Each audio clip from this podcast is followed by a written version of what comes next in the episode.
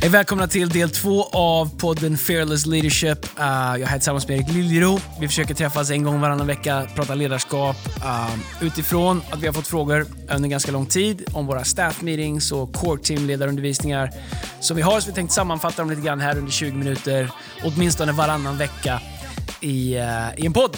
Så Erik, uh, vad gör vi då? Ja, det är grymt. Förra veckan så pratade vi om Kill Your Isaac. Den här veckan så uh, på vår tisdag staff meeting där vi visat vårt staff och även på kvällen på Zoom. Det är så det ser ut i dessa coronatider. Så pratar du om någonting som jag tycker är lite svårt att säga snabbt. Pressure is a privilege. Säg det tio gånger. Pressure is a privilege. Ja, en låttitel. Ja. Det är någon... Vad är det för, vad är det för låt? Pressure is a privilege. It's a privilege. Uh, da, da, da. Nej, det är en annan låt. Det, det är någon, det är någon melodifestival, Eurovision. Pernilla Wiberg, ja, ja, ja. Uh, it's a privilege. It's a pri One hit wonder kan man säga.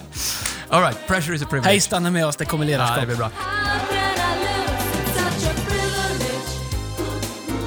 All right, lyssna så här. Ehm, eh, en sak jag tänker på i kontexten, det var en fantastisk undervisning Andreas. Ehm, eh, och Du pratar om att en del människor de gör allt de kan i hela sitt liv för att slippa press.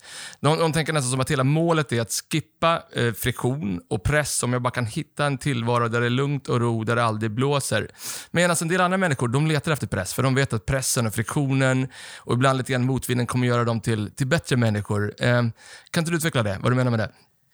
Men jag tror allt ledarskap uh, har med sig ett mått av, av, av, press och vi tänker på det som ett enbart negativt ord. Uh, pressure eller press uh, på svenska. Men faktum är att det är ju, det är trycket från på ett däck, alltså tyngden på ett däck, mm.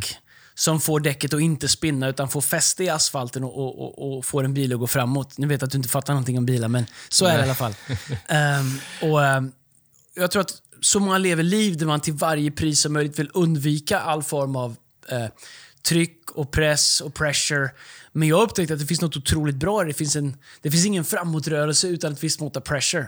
Jag tycker det är intressant när man tittar på, jag gillar sportdokumentärer, vet du, du också gör det, och, och lyssnar på sportstjärnor och så vidare. Eh, och, eh, och se hur de, de har liksom en attityd där de letar efter pressen. De sätter aldrig världsrekorden på träningen. Utan det är när det är OS-finalen och liksom Usain Bolt ska springa 100 meter och allas kameror och allas blickar är vända mot dem. Det är då de levererar. Liksom. Och Det finns vissa människor som hittar ett sätt att hitta den där positiva pressen. Men sen så vet jag att det finns Eh, negativ press också som gör oss sämre, förminskar oss och så vidare. Kan du inte prata om det där liksom när det kommer fel sorts press i våra liv? Jag tror att eh, jag, jag, tror att ganska mycket så är det samma sak. Det har mer att göra med hur vi hanterar den. Mm. Jag tror att uh, allting går att vända till någonting som är framåt. Om du pratar om sport, jag tittar på uh, The Last Dance här mm. nu som går i episod, en fantastisk Netflix-serie om Chicago Bulls. Uh, du kan titta på lag som när de ligger under. Du kan titta på Um, klassisk match Sverige-Finland när Sverige ligger under med 4-1 eller 5-1. Mm, masken. Uh, masken Karlsson, ja. Bättre än Sundin. Men när, när de bestämmer sig, okej, okay, vad är utgångsläget? Jo, vi ligger under med 5-1 eller vad det var, eller 4-1. Mm. Hela nationen är på väg att döma ut dem, uh, åka hem med böjt huvud och med skam. Det är en press. Är det en negativ eller en positiv press? Och egentligen så är det bara press beroende på vad man väljer att göra av det. De bestämmer sig för att använda den här pressen för att vända matchen och faktiskt vinna. Tänk på det om ni är från Finland. Och Jag tror att så mycket med press har att göra med vad vi väljer att göra med den. Jag tror att det finns några olika sätt som man kan använda så man kan hantera den fel. Det ena är att, att rymma, ifrån, uh, rymma ifrån pressure. Uh, vi ser det på Jona, när Gud kommer till Jona och ber att Jona ska åka till Nineve. För att Gud vill rädda en hel stad. Det är viss pressure på Jona att komma till Nineve och säga hej, omvänd er, uh, Gud vill rädda er. Så han ska ensam stå upp och säga att Gud vill att ni ska ändra ert sätt att leva. Pressure, eller hur? Pressure. Mm. Pressure. Pressure. Så han drar. Mm. Han hoppar på en båt därifrån. Men han upptäcker ganska snabbt att pressen av att inte följa Gud var större än den faktiskt var när han rymde ifrån det som Gud hade kallat honom Så pressen finns i vilket fall. Så det avgörande är hur Jona använder, liksom använder pressen eller hanterar den. Mm. Så han bestämmer sig efter att ha varit i valens mage några dagar att den första pressen var bättre av att faktiskt göra det Gud har kallat mig till, även om det innebar en stretch. Så han åkte till Nineve, och tillbaks, allting blir bra. Så jag tror att, att rymma från det, att rymma från sitt ansvar som förälder, rymma från sitt ansvar som eh, eh, maka eller maka när det är knöligt i en relation. Om du bara drar därifrån, eller du backar, eller du blir tyst. därför att du tycker att det är jobbigt. Det kommer aldrig hjälpa dig. Det finns något annat i det där du kan få en framåtrörelse istället. Jag tror att ett annat sätt att hantera press på fel sätt är att dumpa det på andra. Pontus Pilatus, han måste vara världens största dumpare. Han har möjlighet att frige Jesus. Nu är vi glada att han inte gjorde det, för Jesus eh, skulle dö och uppstå. Men han säger, jag tvår mina händer. Jag kommer inte fatta det här beslutet. Och så överlämnar han till den stora massan och fattar det beslutet. Och vi vet att samma människor som i början på veckan ropade Hosianna när Jesus kom in i staden, ropar nu några dagar senare korsfäst mm, mm. Eh, när de ser Jesus. Så omgivningen är ganska snabb att byta fot. Och eh, Pontus Pilatus han, han, han, bestämmer sig för att istället använda det som han skulle kunna gjort och frihet Jesus. Så dumpar han den och säger ni får bestämma, ni får bestämma. Ett äh, annat sätt som vi kan hantera det, det är givetvis i egen kraft. Det är också ett negativt sätt att hantera det. Att tänka att vi måste bära det själva. Bibeln säger att det finns nåd för oss för det som han har kallat oss till. Gud leder oss aldrig in i någonting som han inte ger oss kraft till. Eh, han säger att han har förberett våra mm. dagar, mm. att det finns en förutbestämd väg för oss, att det finns en kraft som ska vara med oss. Han säger att samma ande som uppväckte Kristus från de döda är kraftigt verksam i oss. Så uh, om jag bär i egen kraft, om jag inte lär mig att lämna till Gud mm. den pressen som jag bär, för egen del, pressen av att leda en kyrka, pressen av att leda en familj, att vara en bra man, en bra pappa, en bra kompis, en bra arbetsgivare, en bra chef och pastor och predikant och representant för Hillsong. Det är en omänsklig press, men jag behöver inte bära den i egen kraft. Jag kan vara mig själv och lita på att Gud fyller på det som jag inte har. Mm. Jag tycker det är grymt. Och jag, jag, när man tänker i kontexten av liksom kyrkan och kyrkan föddes och, och när Jesus hade lämnat Israel. Och jag tänker, det har ju varit enorm förföljelse av kyrkan, inte minst de första hundra åren. Och jag vet inte om de kunde ordet pressure på den tiden, men, men det var ju liksom verkligen pressure. Men det var ju rätt sorts pressure, eller hur? Att där, där tog sig liksom kyrkan framåt. Vad är rätt sorts press? Jag vet inte om det går att kategorisera så, men jag tror att det finns någonting av Gud i allting. Eh, det är klart, om du, om du, vi pratar inte om, om, om press som blir av att livet går sönder, Nej. eller närstående dör. Eller, du drabb, det är inte det vi pratar om. Vi pratar om när vi tar nya steg i tro och upplever att det blir ett ökat tryck, eller ett ökat ansvar, eller ökad liksom, bördan känns övermäktig. Man bara känner det pressuret. Jag tror att vår naturliga känsla är att hela tiden backa ur det. Jag tror att ibland i liksom så 2020 i komfort-Sverige eller komfortvärlden så om det känns jobbigt så är det fel. Ett bra, en, bra liksom, eh, en bra situation i livet är om livet känns bra. Det är liksom, då är bra. Men jag har upptäckt att några av de viktigaste säsongerna i mitt liv har inte känts bra. Men de har varit bra, för de har mm. gjort mig till någonting när jag kom ut på andra sidan. Mm. Och jag tror att eh, eh, det är precis som, eh, som att träna. Liksom om du inte utsätter dig själv för pressure, eller för, för tryck eller belastning så kommer det inte bli Exakt. något resultat. Berätta för mig, varför tror du att vissa människor väljer att fly bort från pressure och på andra sidan, liksom, när där pressuren kanske deras destiny finns. Varför tror du att vissa människor väljer att springa bort från det? Nej, men jag tror att, eh, att bryta igenom barriärer har otroligt mycket att göra med vår förmåga att kunna hålla ut. Mm. Eh, Bibeln talar om att hålla ut, även under prövning. Eh, den rättfärdige ska leva av tro, men mm. om man drar sig undan som är själen glädje genom. Så jag tror att... Eh, um, jag tror inte alltid att det är de bästa eller mest talangfulla som faktiskt leder. Utan jag tror att det är de som är beredda att hålla ut längst och bryta igenom mest. Uh, om du letar efter en enkel väg så kommer du hitta en enkel väg, men det kommer inte vara en väg till ditt destiny eller en väg till det som Gud har tänkt för dig. Fråga vem som helst som har jag har kompisar som driver företag eller som har byggt upp saker. Det finns en pressure. Allting i livet som har en framåtrörelse finns en pressure. Och jag tror att om man välkomnar den och hanterar den på ett bra sätt så är det någonting som kan bli en grym tillgång. Vad tror du det har producerat i ditt, i ditt eget liv då, pressuren? Nej, men jag tror att det är... Om man tittar på eh, i Malaki kapitel 3 så pratar den om eh, eh, en guldsmeds eld eller en tvättare såpa och pratar om att Gud vill liksom rena och förfina oss. Och jag tror att det sätt som, du, som en diamant blir till är att det, den hela tiden utsätts för tryck. Mm. Det, det, är så liksom en diamant, liksom allt av värde blir det. Här sedlar vi till genom att du trycker någonting på dem. Um, I mitt eget liv så, um, några av de största utmaningar jag haft i livet, uppväxt eller saker jag gått igenom eller med våra barn och allt ifrån sjukdom och, och, och liksom um, barn som har dött under graviditeter och Ehm, alla möjliga olika saker, utmaningar, misslyckanden i min roll som ledare. Allt det har varit otroligt bra anledningar för mig att bara liksom tap out och säga I'm out. Ehm, och människor skulle förstått det kanske. Eller kanske till och med tyckte att det var bra ibland. Men jag upptäckte att när man, när man håller fast i vad Gud har sagt, när du går igenom säsonger uh, som kanske inte ens borde kunna gå igenom, så upptäcker man att det finns en nåd i det och det finns ett slags stormens öga i de här säsongerna där man kan hitta en frid och ett lugn och faktiskt också en weight och en auktoritet. Um, det var ingen slump att Jesus fick gå upp till Golgata. Mm. Även han kroknade på vägen upp till Golgata, men han stannade inte för det. Kanske han hade någon som var tvungen att komma och hjälpa honom att bära bördan av korset, men han gick hela vägen upp till Golgata, där han vann segern. Allting av värde som du ska göra har en Golgata-vandring som du måste ta dig igenom, men det gör dig till någonting varje gång du går igenom den. Om jag får spetsa till det lite då. Säger inte Bibeln, Bibeln att, vi ska, att vi ska få vila, att Gud ska leda oss ut på gröna ängar i psalm 23? Liksom, vad, går inte det emot det du pratar om nu då? Nej, det gör det inte. Jag tror att de flesta kristna börjar ju med att vila väldigt mycket, så den, den, jag, den eh, kvoten är nog ganska välfylld. Men det finns en sorts vila som är, ja, jag har jättemycket lediga timmar varje dag, eller jag har jättemycket lediga timmar varje vecka, eller jag hinner med att golfa fyra dagar i veckan, eller åka båt fem dagar i veckan. Och vi kan hålla på med de här sakerna hur mycket som helst och aldrig vara vila. Vi har aldrig haft mer människor som har varit trötta än vad vi har nu. Ändå har vi mer grejer vi någonsin haft. Mm är enklare än vad det var tidigare. Vi går inte upp tidigt och mjölkar längre. Vi jagar inte vår mat. Vi odlar inte vår mat. Vi handlar den eller beställer hem den. Och vi gör... Så livet är enklare än det någonsin har varit. Ändå är vi som, som människor kanske tröttare än någonsin. Um, så det måste finnas en anledning till det. Jag tror att det finns en annan sorts vila som är vilan i att vara i Guds vilja.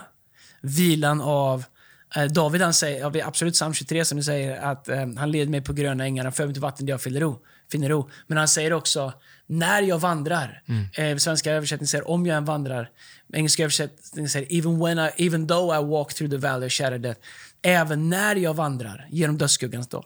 Så Bibeln är tydlig med grönhängar, absolut. Dödsskuggans dal, absolut. Men vi har ibland gjort en målbild, och inte minst liksom som lite så här halvsköna frikyrkokristna, att de gröna ängarna, då är det bra. Lagom mycket, inte så mycket pressure. Jag kan inte alltid vara volontär för jag måste golfa fyra dagar i veckan. Eller jag måste göra det, jag måste göra det, måste göra det. Tack gode gud att det inte är så överallt. Och, eh, tacksam för våra volontärer och volontärer i så många andra kyrkor. Men, men det finns någonting när du säger, vet du vad? Jag, jag välkomnar ett pressure av att expandera mitt liv genom att säga ja till någonting i att tjäna Gud som stretchar mig och som ger ett, ett, ett pressure över mitt liv. Mm. Men faktum är det är lite grann som att enda sättet att expandera, som en vattenballong, enda sättet att expandera det är att hälla i mer vatten. Mm. Och det finns en stretch. Ett barn föds genom att mammas mage stretchas. Mm. Om du inte vill ha det så kommer det inte födas någonting. För det, det finns inget annat väg. Och, uh, men det finns en vila i det. En vila i Guds vilja. Uh, Jesus sa när det var som värst, i dina händer överlåter jag min ande. Mm. Uh, han, han har lovat oss en frid som övergår världens förstånd. Det innebär att det finns en frid för oss i det här som inte går att den går inte beskriva, den går inte vila sig till, den går inte rekreera sig till. Det är en gåva som Jesus ger. En gåva av vad hans vilja, en gåva av att följa honom, en gåva av att sätta honom först. Är, är vad frid är. Så det är en annan sorts frid. Mm. En frid som man kan ha även när det stormar. Den friden som gjorde att Jesus sov i en båt när lärjungarna som var fiskare freakade ut för att det stormade. Den kommer inifrån.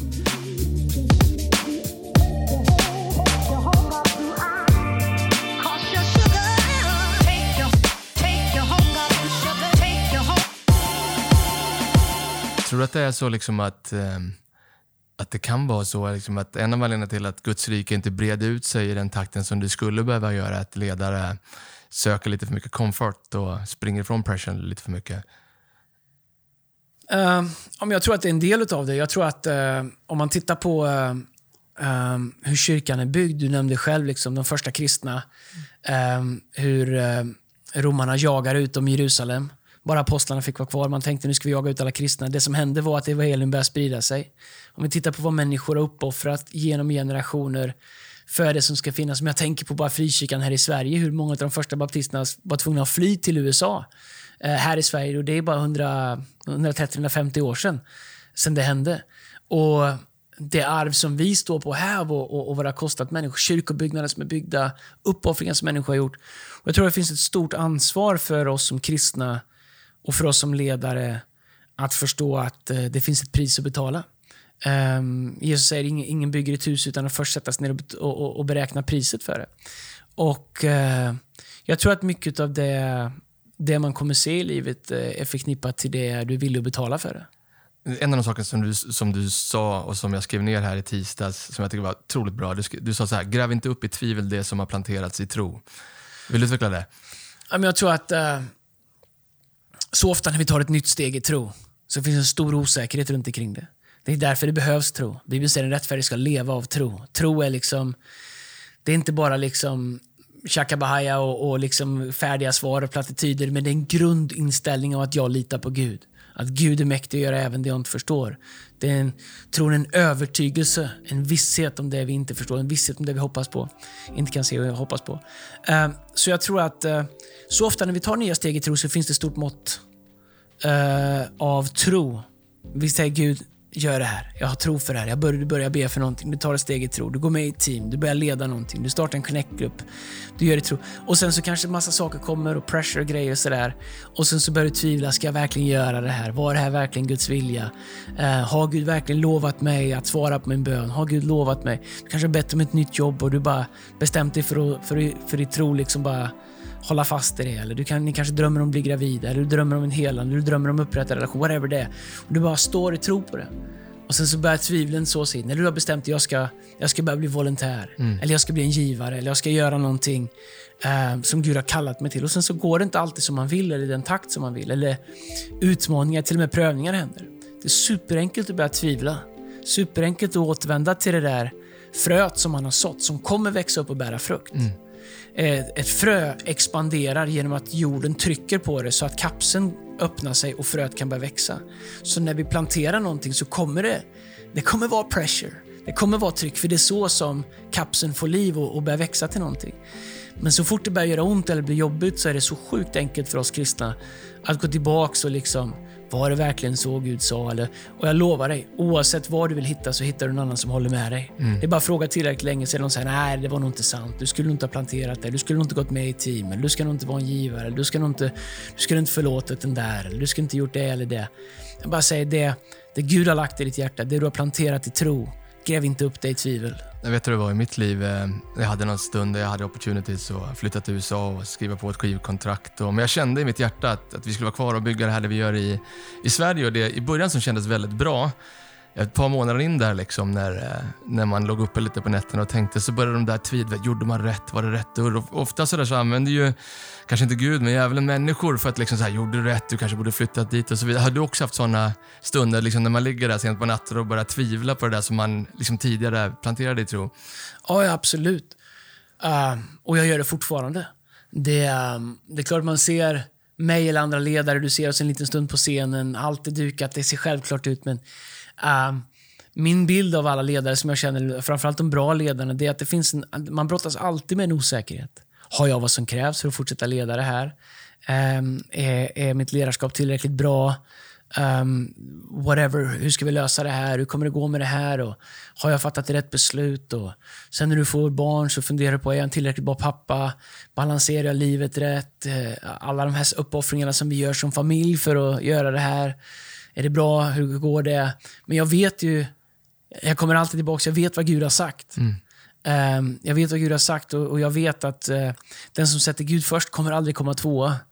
Uh, och ibland så tar vi vägar där det kan kännas som våra liv till och med går bakåt. Mm. Jag brukar likna det med att uh, skjutas iväg uh, som en slangbälla eller som en pilbåge.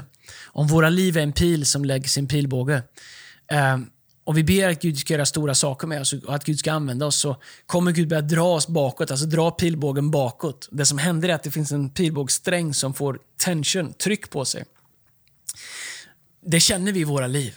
Och så tänker vi, ah, det var inte det här jag bad om, nu blev det jobbigt och jag skulle tjäna Gud, jag skulle leda lovsång, jag vill vara på scen, eller jag vill betyda någonting, eller jag skulle starta ett företag, eller jag hade en dröm. Eller... Nu känns det plötsligt jobbigt. Då tänker vi, det måste vara fel. Men det är exakt rätt, därför att det är Gud som börjar dra, mm. skapa, skapa liksom pressure för en acceleration framåt till det som vi bad om. Så många människor börjar be, sluta, eller släpp mig Gud, eller jag vill inte mer, jag orkar inte mer, eller man hoppar av team, man går ur kyrkan, man slutar göra det, eller man, man, man ger upp sin dröm, eller whatever. För det blev jobbigt när man faktiskt trodde att man jagar en dröm. Men Gud, Gud gör ju exakt det som vi ber om. när vi säger ja till det han har lagt inom oss. Han börjar förbereda oss för det. Men jag har upptäckt att även när man ligger uppe på nätterna och tvivlar på varför det gör ont, varför det är jobbigt. Jag har upptäckt att ofta är det säsongen när Gud har lagt oss på pilbågen för att skjuta oss ännu mm. längre in i framtiden. Skapa större opportunities för oss att kunna bli använda av Gud. Och, uh, och om vi bara ligger kvar där på pilbågen och ibland när det bara känns nu, nu brister det liksom, så vet jag att Gud han har några decimeter kvar att dra. Men när han släpper så, uh, så, så kan ditt liv flyga på ett sätt som du aldrig trodde var möjligt. Uh, och det är värt uh, pressuret av det. Det är värt att ibland gå igenom säsonger av utmaning, säsonger av tvivel, säsonger av där du måste hålla fast i din tro. Pastor Brown brukar säga att det bästa sättet att vinna det är att stå upp längst. Mm. Um, och det är ganska sant. Så, så jag tänker så här, det kanske finns människor som sitter och lyssnar på det här nu som känner igen sig exakt i det du och jag pratar om just nu. Man ligger vaken på nätterna, man känner pressen, kanske inte bara i sin kallelse utan pressen att vara den mannen, eller hustrun, eller pappan, eller mamman, eller företagsledaren, whatever. Och man känner att jag har inte, i, jag har inte det i mig som krävs för att göra allt det som jag känner att jag behöver göra egentligen. Och man känner att man vill bara, egentligen allt man vill göra bara kasta in handduken, ge upp, ge, det här, liksom, ge stafettpinnen till någon annan. Vad vill du säga till dem? Att så känner jag varje måndag morgon när jag vaknar. uh, men jag tror så här, du har inte i dig att leva det liv som, som, som du försöker leva. Du har inte vad som krävs, därför att Gud har kallat dig till ett liv som är större än vad du har i dig. Men det är också därför han har gett oss anden. Och Jag tror att så ofta försöker vi leva det liv som Gud har kallat oss till utan att ta hjälp av anden. Det liv som finns på insidan av oss, som, som vi upplever och som vi kan se glimtar av och som vi någonstans känner. Det livet går bara att leva i andens kraft. Um, och Det var därför som Jesus sa till lärjungarna, ni ska få kraft när den helige Ande kommer över er. Han visste att de har aldrig fixat det här själva. De har aldrig räckt till. De har aldrig, det har aldrig burit hela vägen för dem. Och Jag tror att det är otroligt viktigt att eh, komma till en plats där man kan säga Gud, det här är din idé, det är inte min idé. Jag lärde mig det av Robert Ferguson. Han säger det varje gång när han går upp plattformen. Han säger Gud, det här var din idé att jag ska predika, inte mm. min idé. Så nu måste du vara med med heligande. Och Jag tror att om vi lever och designar ett liv som vi klarar av att leva i egen kraft, då lever vi ett alldeles för litet liv än vad Gud har tänkt för oss. Men det liv som Gud har tänkt för oss, det kräver Andens kraft. Och Bibeln säger att Gud ger villigt av Anden till alla som ber om det. Det finns ingen, inget slut på hur mycket av Andens kraft du kan få. Vishet, styrka, råd, vägledning. Så när jag känner att men jag vet inte om jag orkar här ett varv till, jag vet inte om jag har en månad, en termin, ett år kvar mm. i mig, en campus kvar i mig. Um, och kanske framförallt om man blir missförstådd eller um, du vet så här, Um, ja, men det, är kanske det som är det tuffaste av allting, när man får sina motiv ifrågasatta eller man hör, du vet, så whatever. Uh, då återvänder jag alltid till att Gud, jag har inte kallat mig själv, du har kallat mig. Och Varje dag har den nåd och den kraft som den behöver, därför att det är en gåva ifrån dig. Uh, och, och, Det bär mig. Vad är din trigger då, liksom, för att trigga igång anden i sig? Om det är människor som inte vet hur man ska göra det. Liksom. Hur ska man få liksom, anden, heliga ande som du pratar om? som är Gud i oss. Vad, vad, liksom, vad gör du? Talar du tungor? Lyssnar du på musik? Ber du? Läser Bibeln? Vad gör du? Ja, men jag gör nog allt det där. Jag tror att man måste hitta sin egen sweet spot lite grann. Uh, men jag tror att framförallt så är ju... Om man tittar på Jesus så ser man att han regelbundet drog sig undan för att vara med Fadern. Eh, och Det gjorde han bland annat för att, för att liksom, eh, hämta kraft och för att liksom kalibrera sig och för att söka Faderns vilja. Jag tror att det är viktigt, då, på samma sätt som man bygger en rutin i livet där man eh, tränar eller går på dejt med sin fru eller man eller whatever vad man gör. Att, att det finns en rutin av att umgås med Gud. Eh, de flesta av oss vi är grymma på att kastas på Gud när livet totalt har skitit sig eller gått sönder. Men om man gör det varje dag så, så, så behöver det inte vara så dramatiskt. Paulus säger jag ber mer i anden än allihopa utav er. Jag tycker om att be i anden. Jag tycker att det är en fantastisk tillgång. Och Jag vet inte hur folk klarar sig utan det. Bibeln säger att man bygger upp sig själv på insidan mm. genom att anden ber med ord som vi inte förstår. Så anden ber för det jag inte förstår. Hade jag förstått det hade jag ju löst det. Men om jag har utmaningar som jag inte kan lösa så är det för att jag inte har förstått dem. Men anden förstår dem. Så när jag ber i anden så kan ju anden be om lösningar som jag inte vet att be om. Och också hjälpa mig att se dem. Eh, så det är den ena sidan. Den andra sidan, för att vara helt ärlig, det är bara att göra he helt världsliga saker. Sport är en big deal för mig. Ja, det är en ventil för mig. Jag tror att ibland är livet som en tryckkokare. Och Det hjälper inte bara liksom be mer eller göra mer. Ibland måste du bara hitta sätt att eh, have some fun. Mm. Eh, det är lika viktigt för själen att vara hälsosam som anden. Ja, grymt. Jag tänker kanske avslutningsvis eh, kring temat pressure is a privilege. Eh, den pressen som vårt samhälle går igenom just nu är ju en press som ja, min generation och vår generation kanske aldrig tidigare upplevt. kanske finns människor som lyssnar på det här som har förlorat sitt jobb eller håller på att se livsverk gå i krasch, eh, kanske har förlorat nära och kära. Och det är en, en press som man kanske inte alls vet hur man ska hantera. Vad vill du säga till dem? jag förstår det. det. Det kommer nära oss alla, det har kommit nära mig. Um, och uh, många säkert andra som lyssnar på det här. Nej, men jag skulle säga så här, i Jesaja 46 så står det att Gud, Gud fanns före all tid. God was before the beginning of time. Så det är inte så att, det är inte så att Gud inte har en plan för oss vidare. Uh, big picture, om man säger hela coronasäsongen, så är det ju en stor katastrof. Eh, och lite grann har vi i några generationer varit förskonade från det. Det är några, många flera generationer som vi har haft världskrig, som kom ur en depression, som kom ur...